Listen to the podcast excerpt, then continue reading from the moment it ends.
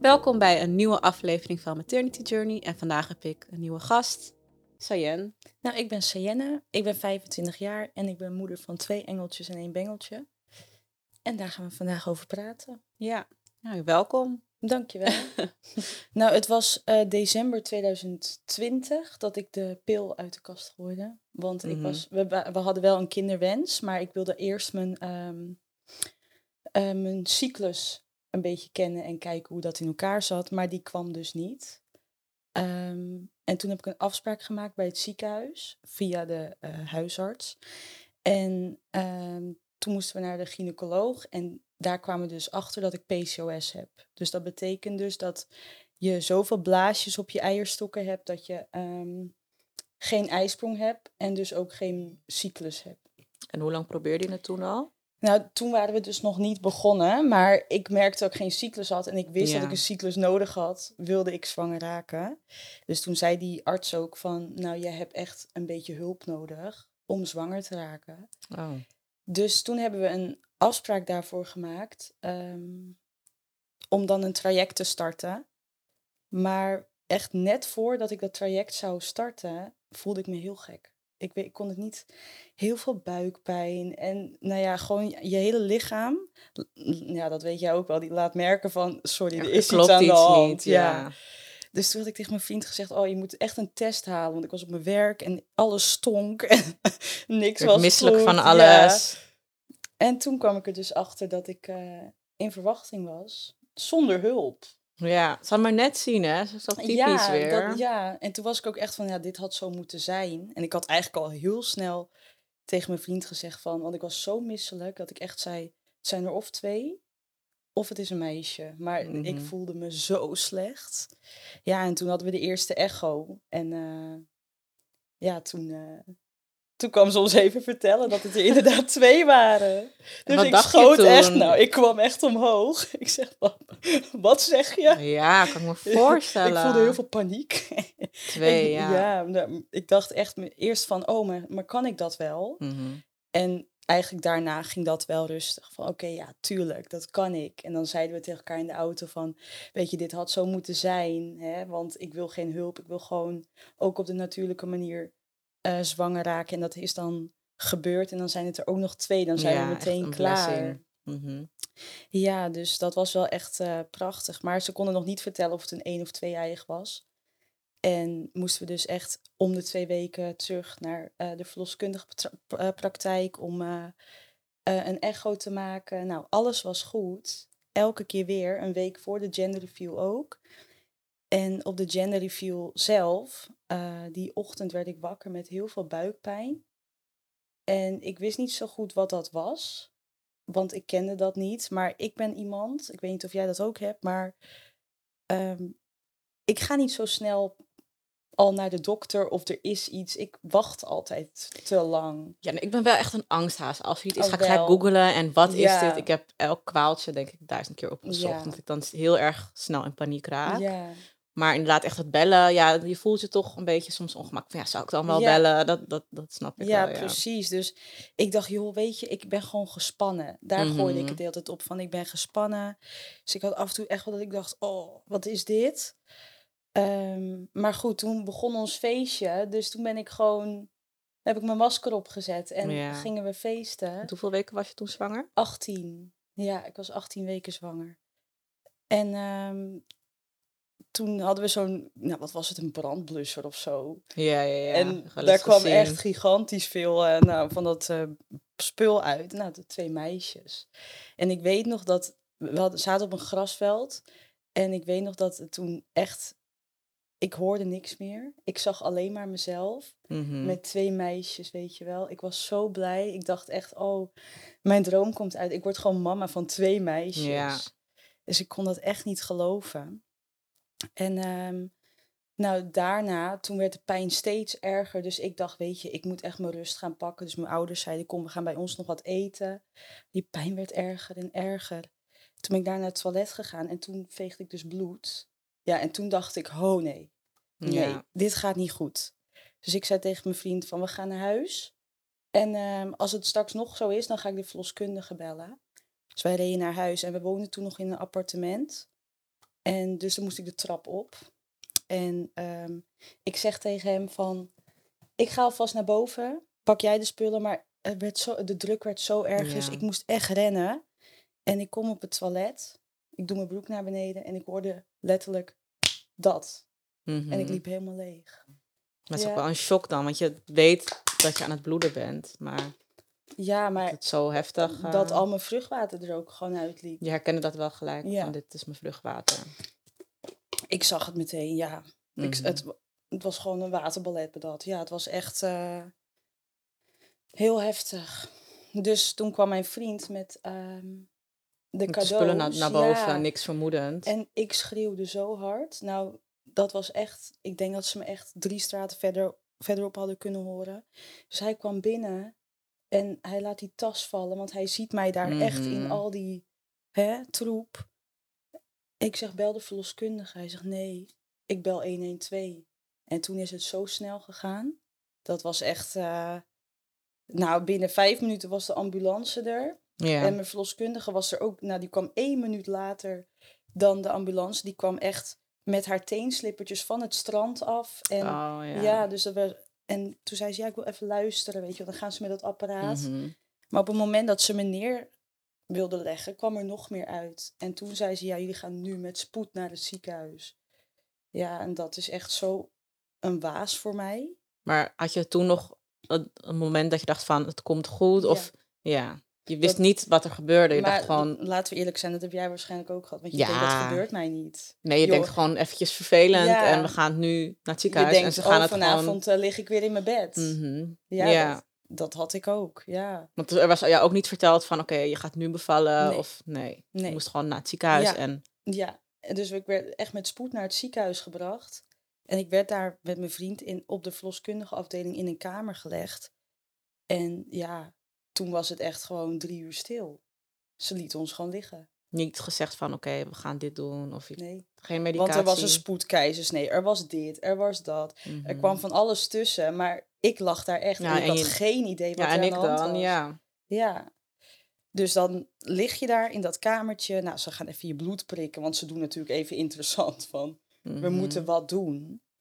En ik denk dat we om acht uur ehm, in het ziekenhuis aankwamen en pas om twaalf uur ehm, hadden ze een echo bij mij gemaakt. En toen zagen ze dus van dat allebei de kindjes geen vruchtwater meer hadden. Mhm. Dus dat was gewoon echt een shock. En ik weet nog dat toen die dokters uit de kamer liepen, nou, ik viel half flauw. Je, je hele, ja, alles trilde. Ik moest overgeven. Ik, ik wist niet wat ik meemaakte. Want nee, ik ging niet naar huis. Ik moest hier blijven. En toen wist je ook eigenlijk nog niks. Ik wist nog steeds niks. Dus ik dacht nog steeds van, ik blijf gewoon nu eh, liggen, zes weken lang. Ja, En tot ze gehaald tot die mogen 24 worden. weken minimaal. Ja, en ehm, eh, dan komt het wel goed. Want je denkt nog steeds, dit overkomt mij niet. Mhm. Dit hoor je alleen je in films. films en dit in de, hoor je ja. van heel ver weg, maar dit overkomt mij niet. Ja, want de kans is zo klein, dus waarom ja, zou het bij mij... ja. en dan mhm. moest je de nacht ingaan daar. Nou, ik heb geen oog dicht gedaan. Ik weet niet of jij geslapen hebt in het ziekenhuis. Nee, ik dit- was eh, bijna je- twee dagen lang wakker, joh. ja, ja, Zoveel adrenaline. Ja, je slaapt gewoon niet. En toen kwamen ze de volgende ochtend eh, van, eh, ja, wij kunnen hier niks voor je doen. We gaan je een second opinion geven. Je gaat naar Amsterdam. Mhm. Nou, dus wij naar Amsterdam. En ik zat ook altijd in een rolstoel, want je vliezen zijn gebroken, dus je mag niet meer lopen. Dus ik werd overal naartoe gebracht. En toen kwam ik dus in een eh, wachtkamer met allemaal zwangere vrouwen. Ja. Ik ook nog helemaal, helemaal vrolijk, Die dikke allemaal buik. lekker zo ja. over hun buik. Ja, en dan zat ik ook zo naar beneden te kijken. Ik eide ook over mijn buik, maar niet zo zeker als dat hun dat deden. Ja. En toen werd ik naar binnen geroepen voor een, eh, een echo. En dat vond ik echt zo'n heftige echo. Mhm. Want het was echt gewoon helemaal stil. Die vrouw zei helemaal niks. Ook niet van, we gaan nu dit doen. Nee, of, het was echt twintig minuten lang muisstil. En ik vroeg wel eens wat van... eh, kun je wat zien? Ze gaf geen antwoord. Nee, Nee. ze zei daarna alleen, je mag in de wachtkamer zitten. Ja, dan En, weet je eh, eigenlijk al... eh, hoe ja, laat het is. Ja, en dan komt de arts je zo halen. Nou, daar zat ik dan weer met mijn rolstoeltje in de wachtkamer. Tussen de dikke buiken, hè? de prachtige zwangere buiken. Mhm. Dus ondertussen waren mijn, eh, mijn ouders daar ook naartoe gekomen. Dus die zaten daar in de wachtkamer te wachten met ons. En toen kwamen de drie artsen de wachtkamer binnen. En meestal is het toch zo, eh, nou bijvoorbeeld, eh nou, Sayenne, en dan doe je zo. En dan zeggen ze dat je mee mag komen. En nu was het echt Sayenne, dus ik doe zo. En al die drie artsen die liepen naar mij toe, naar ons toe. En toen zeiden ze van, je mag met ons meekomen. En toen wist ik al, Ja. Mhm. toen wist ik het al. Die witte Ja. jasjes en gewoon die blik die je Ja, krijgt. die blik, ja, die vrouw die zat echt voor mij. Ik zat daar, mijn vriend zat hier. En ik hoorde haar echt slikken zo. Ja. En ik zag die tranen in haar ogen. En toen zei ze, we moeten jouw zwangerschap afbreken. Want als we hier niet gaan naar, als we daar niet naar luisteren, dan piep jij er straks nog tussenuit. Mhm. Want je hebt gebroken vliezen, je hebt infectiegevaar. Ehm, en ze zijn gewoon te klein om vol vast te houden tot de 24 weken. Want dat redden we niet. Dat gaat hem niet worden. Maar je blijft zo van, ja, maar ik red dat wel. Laat mij gewoon Mhm. liggen. Ik hou vol. Maar ja, ik kreeg ondertussen al koorts en zo. Dus Je lichaam ging ook gewoon. ja, meteen al. En die meiden die dachten ook, we moeten eruit. Het is gewoon Mhm. eh, niet goed zo. En toen moest ik dus ingeleid worden, maar dat wilde ik niet in Amsterdam. Ik dacht, ik ga gewoon weer terug naar eh, mijn eigen dorpje, mijn stadje. En dan ga ik daar wel in het ziekenhuis. En vonden ze dat gewoon goed? Ja, Oh, gelukkig wel, ja. Ja. Want ja, daar moet ook maar net ruimte voor zijn. Ja. En ja, toen moest ik dus de volgende ochtend eh, op het belletje drukken als ik me wilde laten inleiden. Dus moest je zelf ook nog Ja, uitkiezen van oké, dit. ja want ze wilden mij echt de tijd geven. En ik weet nog het toen het EK was. Dus we, we zaten een beetje voetbal te kijken die avond daarvoor. Dus een beetje afleiding. Maar Mhm. je kon je weet weet wat afleiden. Wat is dat? Ja. En toen kwamen ze op een gegeven moment rond tien uur 's ochtends van... eh, of wat is het, acht uur 's ochtends van... eh, ben je er klaar voor? Toen zei ik, nou, ik wil eerst nog wat eten. Nou, kreeg ik wat eten. Kwamen ze een half uur later weer. Wil je, wil je nu wel? Gaat het nu lukken? Ik zeg, nou, ik wil nog even douchen. Ja, verrekken. Ja, even. Dus ik bleef maar Mhm. tijd rekken. En toen op een gegeven moment kwamen ze om half tien, tien uur. Nou, mevrouw, we gaan het maar gewoon doen, want je bent er nooit klaar voor. En dan gaan ze je inleiden en dan weet je dat er geen weg meer terug is. Mhm. Want hoe gaat dat zo, dan, zo'n inleiding? Nou, dan, dit deden ze zeg maar met pilletjes eh, naar binnen brengen, zodat je baarmoedermond week wordt. Mhm. En dan gaat je lichaam dat verder vanzelf eh, oppakken. Ja. Ehm, dus ik kreeg eigenlijk vrijwel snel al pijn. Want ze zeiden, oh, je kan beneden even een koffietje drinken of even een theetje. Toen dacht ik, ja, zoek het uit. ja, ik ga helemaal al, eh, nergens heen. daar. Ik ga niet nu even gezellig daar beneden in het restaurantje. we- Nee, met allemaal Ja, andere mensen. Ja, nee. Maar mijn lichaam begon al snel ehm, te werken. Dus ik kreeg al krampen.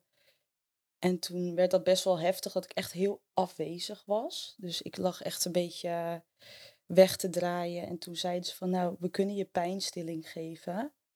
Dus ze wilden die infuus al inbrengen. En ik zei alleen maar van, nee, dat wil ik niet, dat wil ik niet. Maar toch prikte ze hem voor me.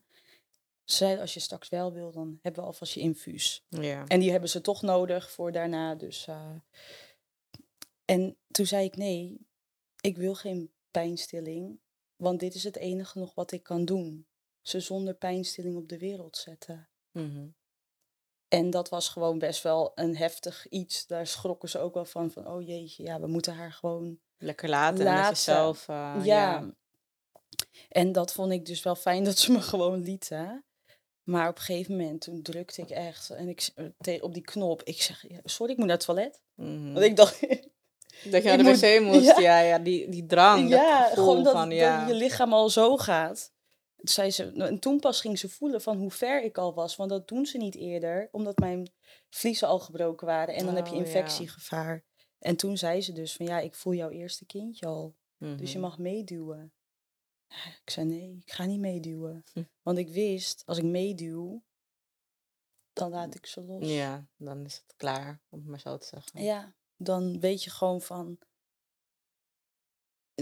Ze zitten dan niet meer in mijn buik, maar Mhm. ze zijn te bloot, of hoe zeg je dat, te, te klein voor deze wereld. Het is te kwetsbaar. En ik kan dan niks meer. Want ze zeiden ook van, hè, als je ze dan uit hebt, ge, hè, als ze er zijn, dan eh, mag je ze vasthouden, mag je ze op je borst Mhm. leggen. En ik gaf aan dat ik niet weet of ik dat wel durf. Ja. Weet je, want je weet, Je weet niet niet. hoe ze eruit zien. Nee, Of is het heel je eng? bent eng. Of, Ja, mhm. je bent bang dat het eng Mhm. is. Ja, dat had ik ook wel, ja. ja. Dat je echt denkt van ja, ik durf het niet. Terwijl het zijn je kinderen, maar... Mhm. En daar schaam je je een beetje voor. Ja, Van, ja, maar waarom durf ik dat niet? Want het zijn mijn het is kinderen. van mij. maar- Hoe eng kan het zijn? Ja, maar toch vond ik het eng.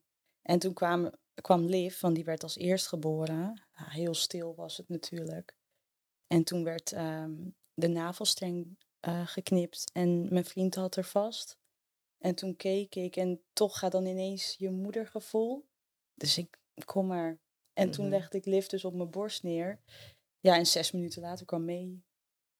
Ja. En hoe was die bevalling, het persen? Deed dat heel veel pijn? Nee, nee, dat deed eigenlijk niet echt pijn, want ze waren echt zo, nog zo klein. Want dat was ook het eerste wat ik dacht dat ze geboren werden van, jeetje, wat, wat ben je klein. Mhm. Zo helemaal af, alles erop en eraan, maar, Maar nog toch zo, zo klein. klein. Ja. Ja, dus ik vond het eigenlijk helemaal niet eng. Mhm. Ik wilde ze meteen bij me houden, want dat is toch die moedergevoelens die dan omhoog komen. En ehm, ze leefden ook allebei nog. Ze konden natuurlijk geen geluid maken, die longen waren nog niet rijp, maar je zag echt dat hartje kloppen. En eh, ja, toen is alles allemaal zo snel gegaan, hè. Mhm. Dan moet je ze mee naar huis nemen, of je mag ze mee naar huis nemen. En ehm, dan een, vijf dagen later had je de crematie en zo. Dus je wordt heel erg geleefd. Heb jij dat ook zo ervaren, dat die week... Ja, want je moet Tussen- natuurlijk heel snel een keuze maken van wat ga Ja. je doen? Laat je kind hier, neem je kind mee naar Ja. huis. Dus er is geen tijd om, Om om, na te heel verdrietig denken. te zijn. Of, nee, op of dat moment Je moet gelijk schakelen en alles regelen. En hoe ga ik dit doen? Ja. Hoe wil ik dat?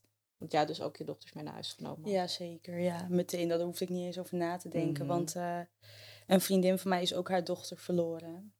En dat zij hoorde dat, dat ik dus bevallen was, heeft zij meteen mijn moeder een berichtje gestuurd met... ehm, eh, je moet dit en dit regelen, watermethode, dan kunnen ze mee naar huis.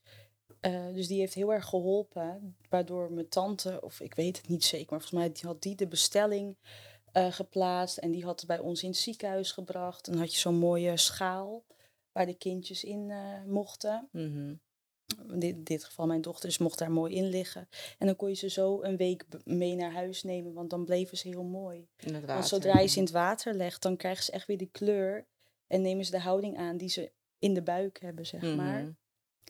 Dus dat eh, was wel fijn dat zij dat even voor ons zo geregeld had. En dan hadden we meteen een fotograaf om foto's te maken.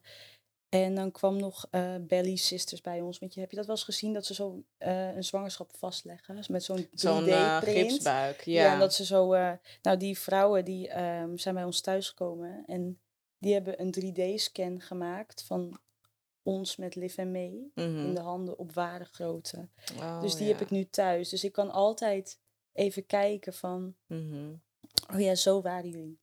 Ja, het is een Qua gewoon mooie grootte, ja. hebt. Want hoe heb je zeg maar de uitvaart ervaren? Heel Zelf veel- heel- geregeld? Eh, nee, het is heel veel geregeld Mhm. eigenlijk. Ehm, toevallig kenden we iemand die is begrafenisondernemer. Dus die had echt voor ons ehm, dat allemaal geregeld. Ehm, maar ik heb wel natuurlijk de liedjes uitgekozen. Ik wilde dat Ja. iedereen in het roze of in het wit kwam. Ik wilde dat ze bloemen meenamen. Ik wilde ballonnen om op te laten. Dus ik had wel gezegd wat ik wilde. Ja, dus wel dat het gewoon op jouw manier was, maar Ja. het zelf zo min mogelijk. Ja, dat zeker. En ik weet nog de ochtend zelf, ja, ik kwam mijn bed niet uit. Mhm.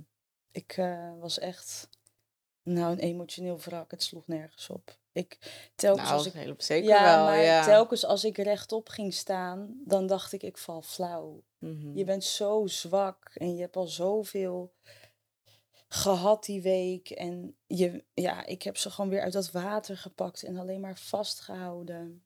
Heb je zoveel vastgehouden toen ze thuis waren? Ja. Ja. S'nachts soms, ja. Ik ook. Ik heb eh, Gewoon, te- we samen tv zitten kijken, Ja. joh. Ik heb hem Ja. verschoond, Nou, lekker ingezeept. Weet je, dat zijn toch wel dingen. Dat is dat moederinstinct wat weer omhoog komt. Ja, en ik- meteen. Het klonk eerst heel raar, want eerst zei de begrafenisondernemer ook tegen me van ja, hou maar lekker vast. En ik dacht van ja, ga ik dan echt hier in, in huis met een, met een dood kindje lopen? Maar ja, Ja.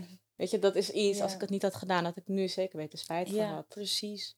Want het is is- misschien ook even dat je denkt, oh, Gek, maar ja. zodra je het doet, is het Voelt het zo zo natuurlijk. Ja, precies. Ja. Ja, want ik ik weet ook nog dat de buurman, die was, ik weet niet wat hij aan het doen was, zijn huis aan het verbouwen. Ik heb geen idee. Maar dan had ik echt een neiging om gewoon aan te bellen van, hallo, mijn dochters liggen hier te slapen, hè? Wat ben jij aan het doen? Ja, Dat echt je- op de bescherming. Ja. Of dat je naar het gemeentehuis moet om de geboorteakte en eh overlijdensakte.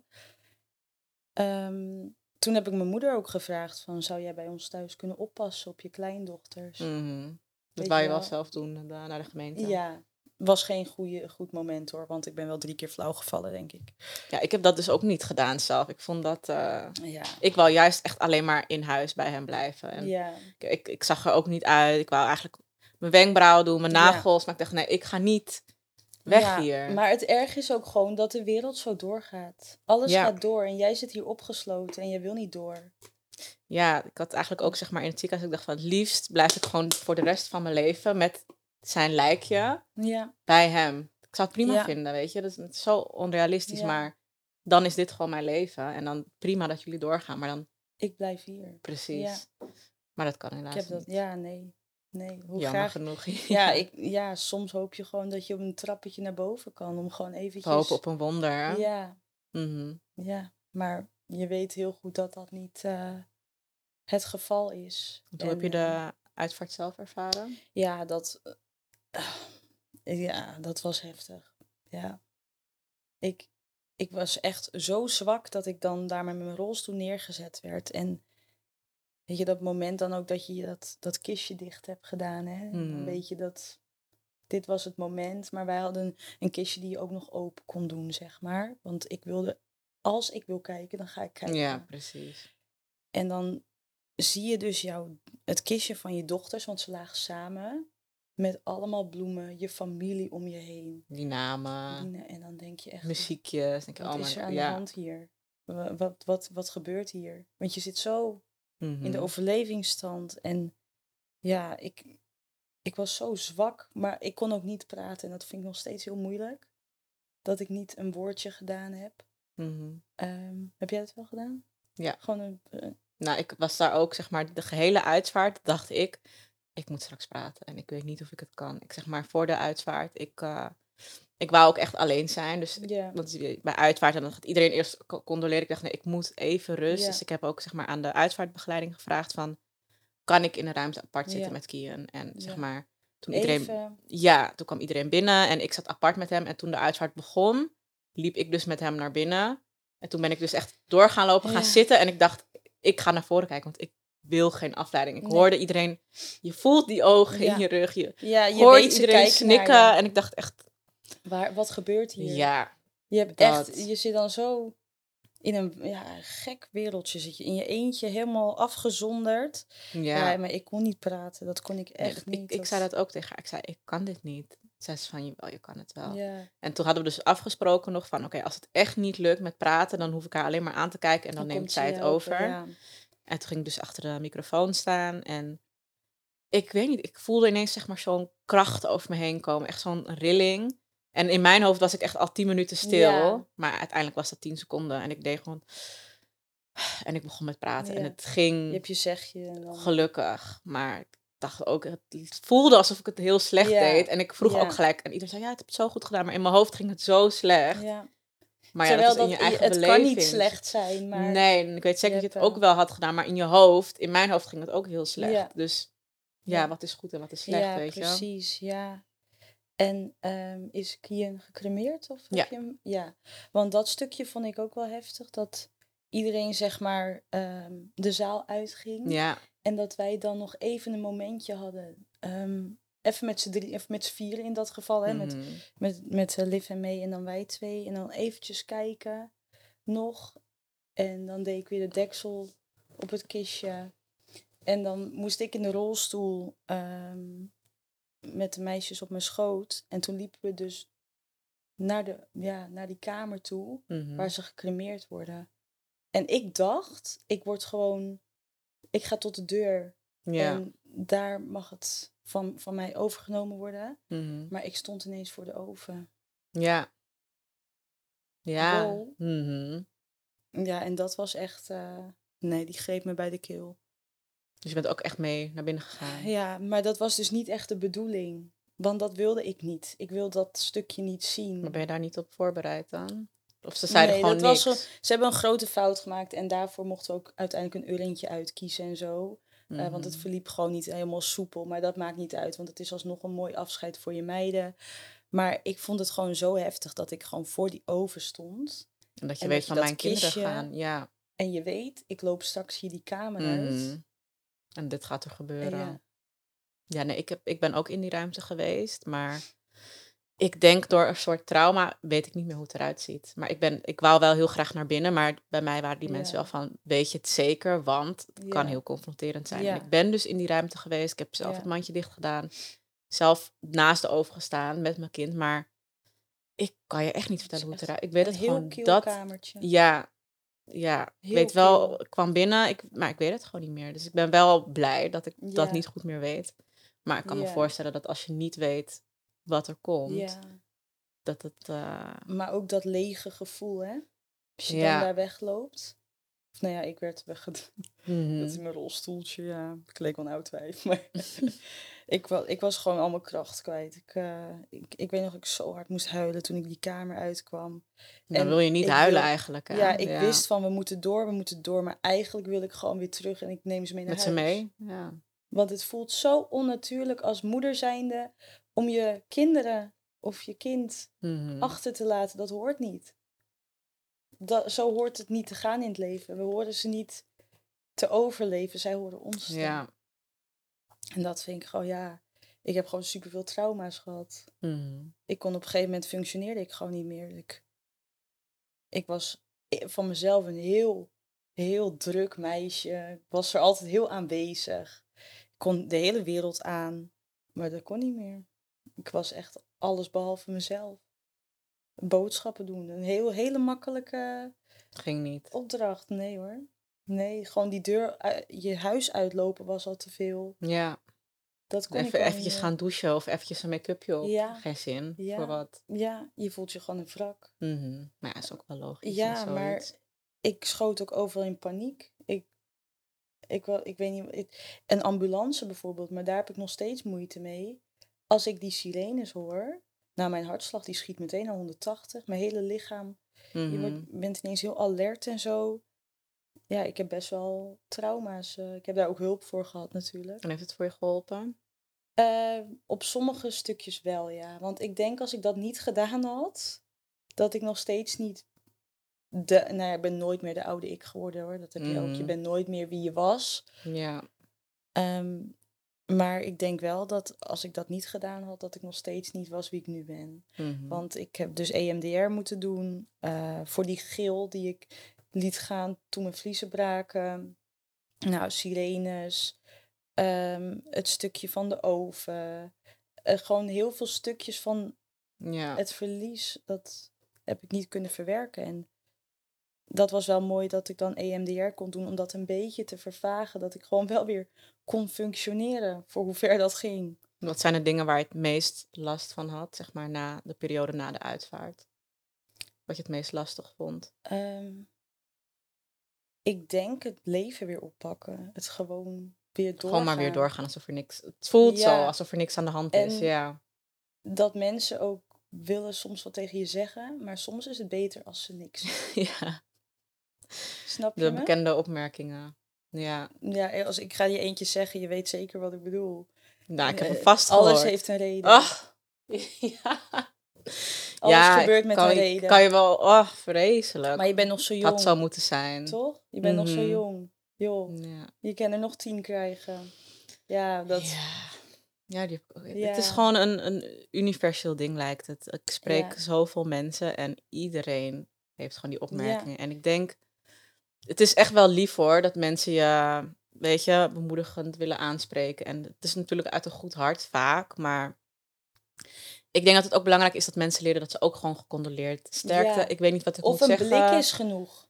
Ja, Gewoon even. of gewoon een knuffel of Ja. een, bo- een bosje en bloemen. dan, ja. Maar je hoeft niet per se advies te Nee. geven. En ik denk, ja, Want jouw advies kan heel veel pijn doen. ja, ik had laatst ook zei iemand van, eh, nou je weet wat je nu moet doen hè.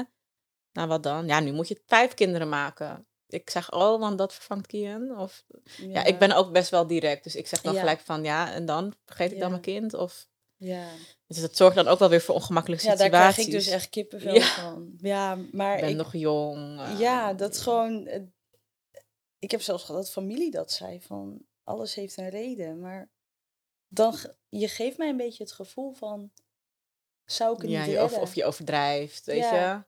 Ja, En gelukkig waren ze nog, was hij nog Ja. klein, want stel je voor dat hij al een jaar al- was. ja, maar wat is er? Wat maakt het uit? Hoe oud? Hoe Ja, ver? Precies.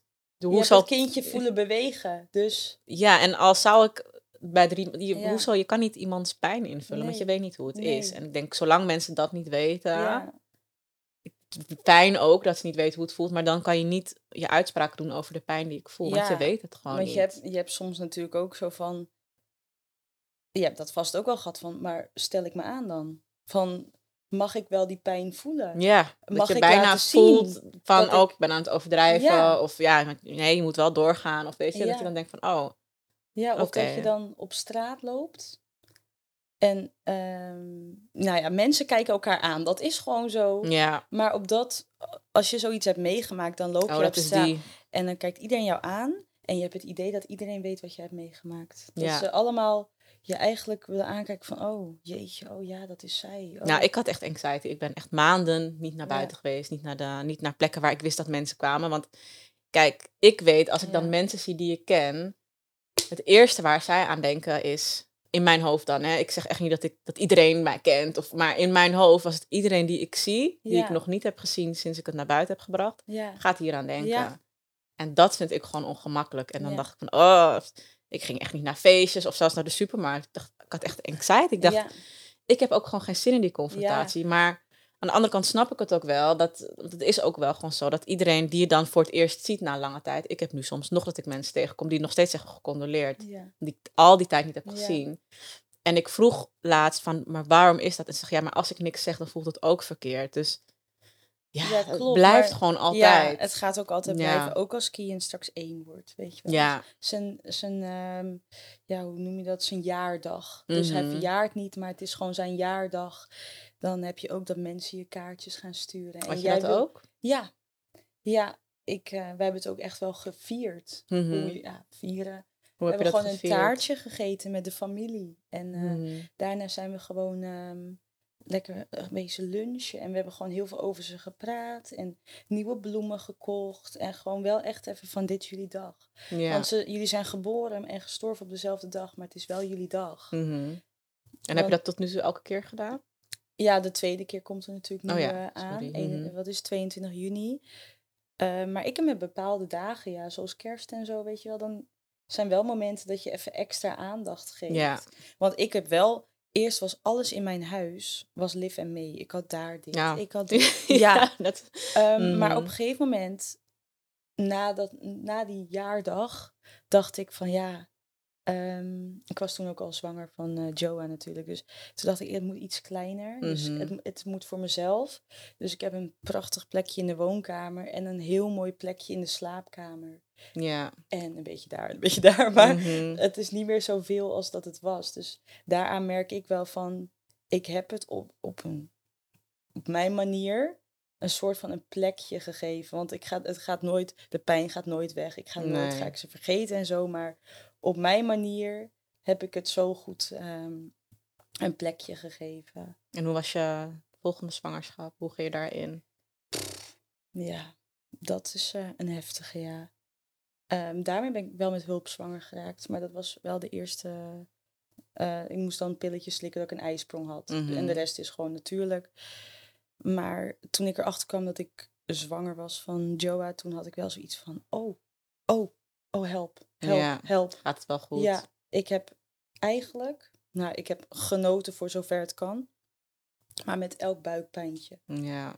met elke harde buik, met alles wat zeer deed, was ik in paniek. Dat is ook niet dat iedereen toen tegen zegt, nou, hopelijk gaat het nu wel Ja. goed. Oh, wat irritant Ja, lijkt me want dat. ik heb op een gegeven moment ook wel eens gedacht van... Ja, maar hij komt misschien ook wel niet thuis. Mhm. Wie zegt dat dit kindje wel mee naar huis gaat, levend? Je vertrouwt niet meer op je, je- lijf. Nee, je denkt van, het zal wel, ja. ja. Of mensen zeggen inderdaad van, oh, ik hoop dat dit keer het wel goed gaat hoor. Maar ja, dat Ja, je denkt, oh, maar thanks. help me. Ja, want ik Ja. vond het, ja, het me niet verkeerd begrijpen, maar ik vond het best wel moeilijk om een band op te bouwen met Mhm. het kindje wat in mijn buik aan het groeien was. En dat was niet omdat ik het niet wilde, want ik wilde het heel graag. Want ik, we hebben die keuze ook gemaakt van, we gaan voor een derde. Mhm. Maar ik was zo bang dat ik weer me zo ging binden en het zou weer Voor fout niks gaan. dan, ja. Ja, je bent gewoon angstig. En ook als je Mhm. hem dan voelt bewegen. Dus, oh, help. Ja. En op een gegeven moment kon ik dat natuurlijk gewoon, kon ik daarvan gaan genieten. Maar eh, ik heb een goede zwangerschap gehad. Ik heb wel bekkeninstabiliteit, maar joh, dat hoort bij.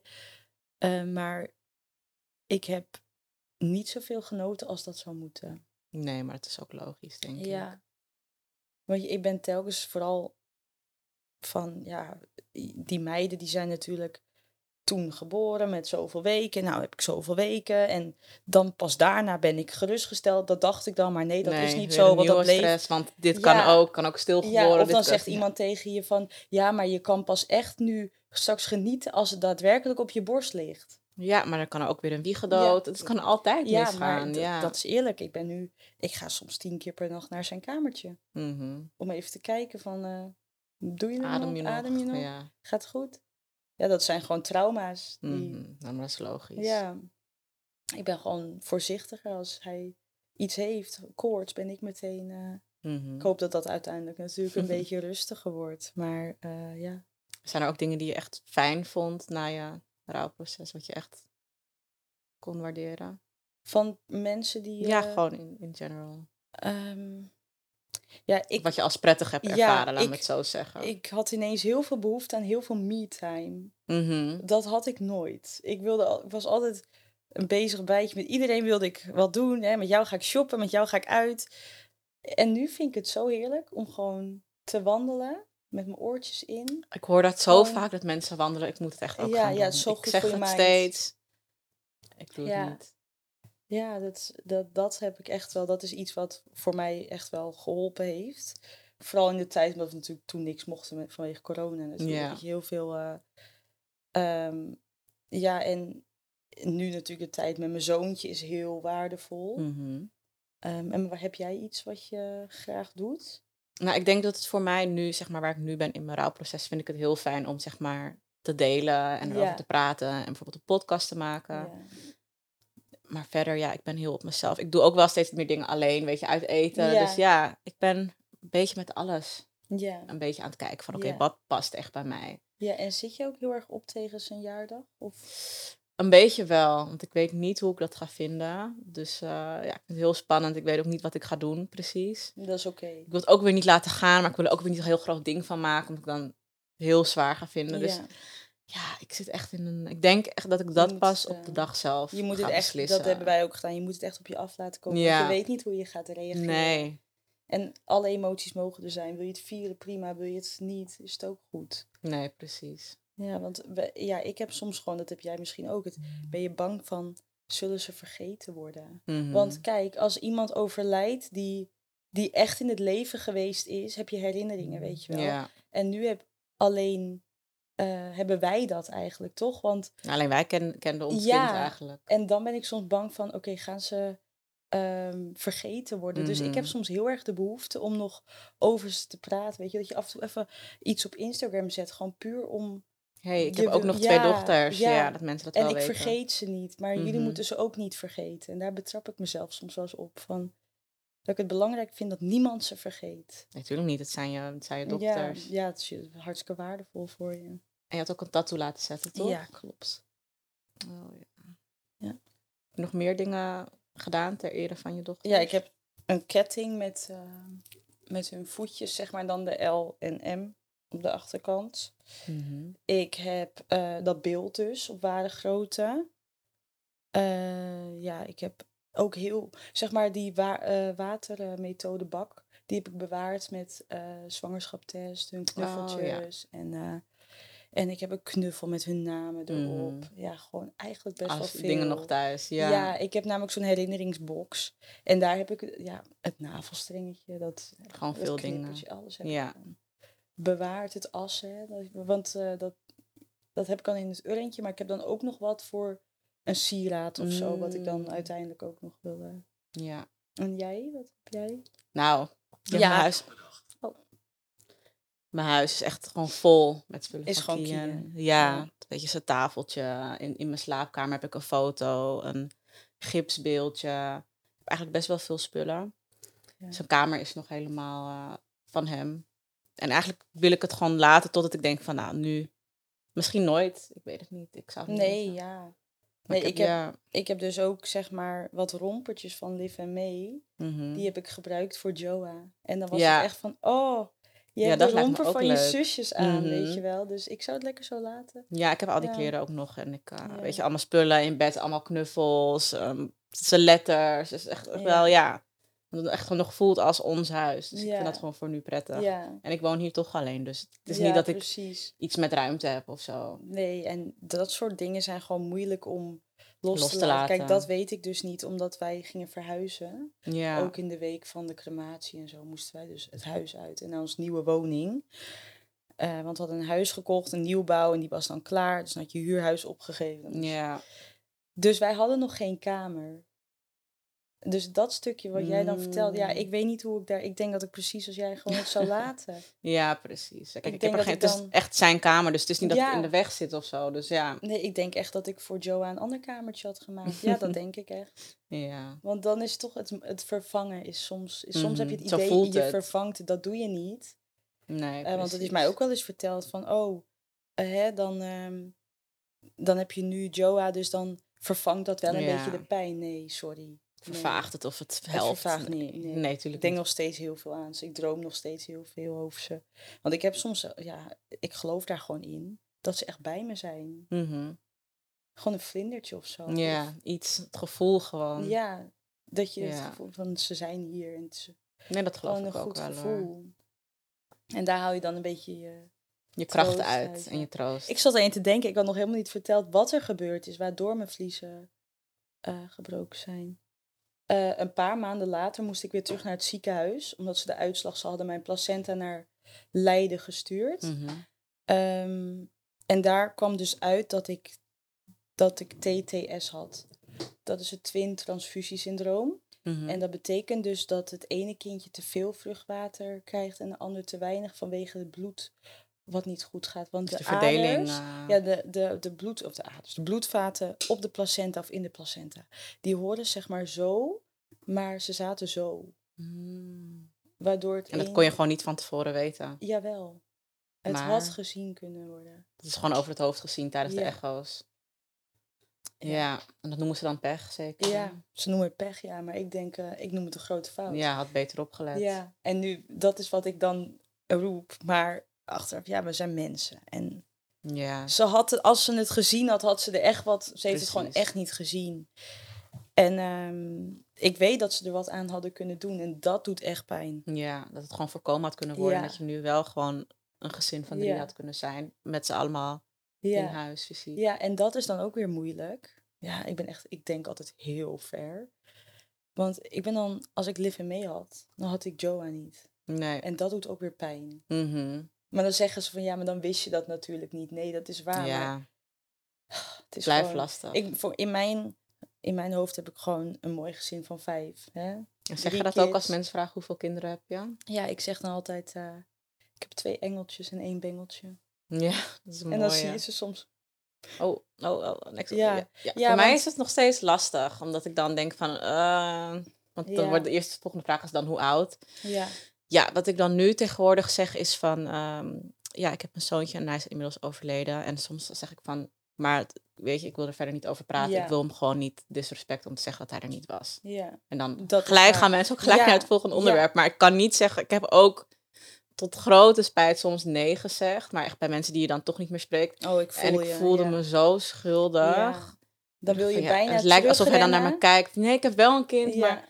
Dus ja, dat kan ook niet. Maar Ja. soms weet je, je bent in een setting en dan, ja, dan is het zo ongemakkelijk. Maar ik denk, ja, dan liever dat dat ik hem in mijn ogen tekort doe. Ja. Ja, dat want- voelt zo slecht. ja, ik heb dat dus nu natuurlijk, omdat ik weer een zoontje heb, heb je heel vaak de vraag: Oh, is het je eerste? Ja, En ehm, dan heb ik wel eens gezegd, dus van ja.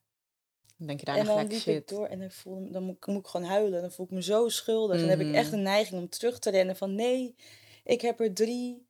Ik heb twee engeltjes, weet je wel. Maar soms, zoals je zegt, is het moment daar gewoon niet. En Met een collega of iemand die je, ja, dat je denkt, oh, feestje, even, ja. dit is even niet het even moment. niet maar, je voelt, rouwende moeder Ja. zijn.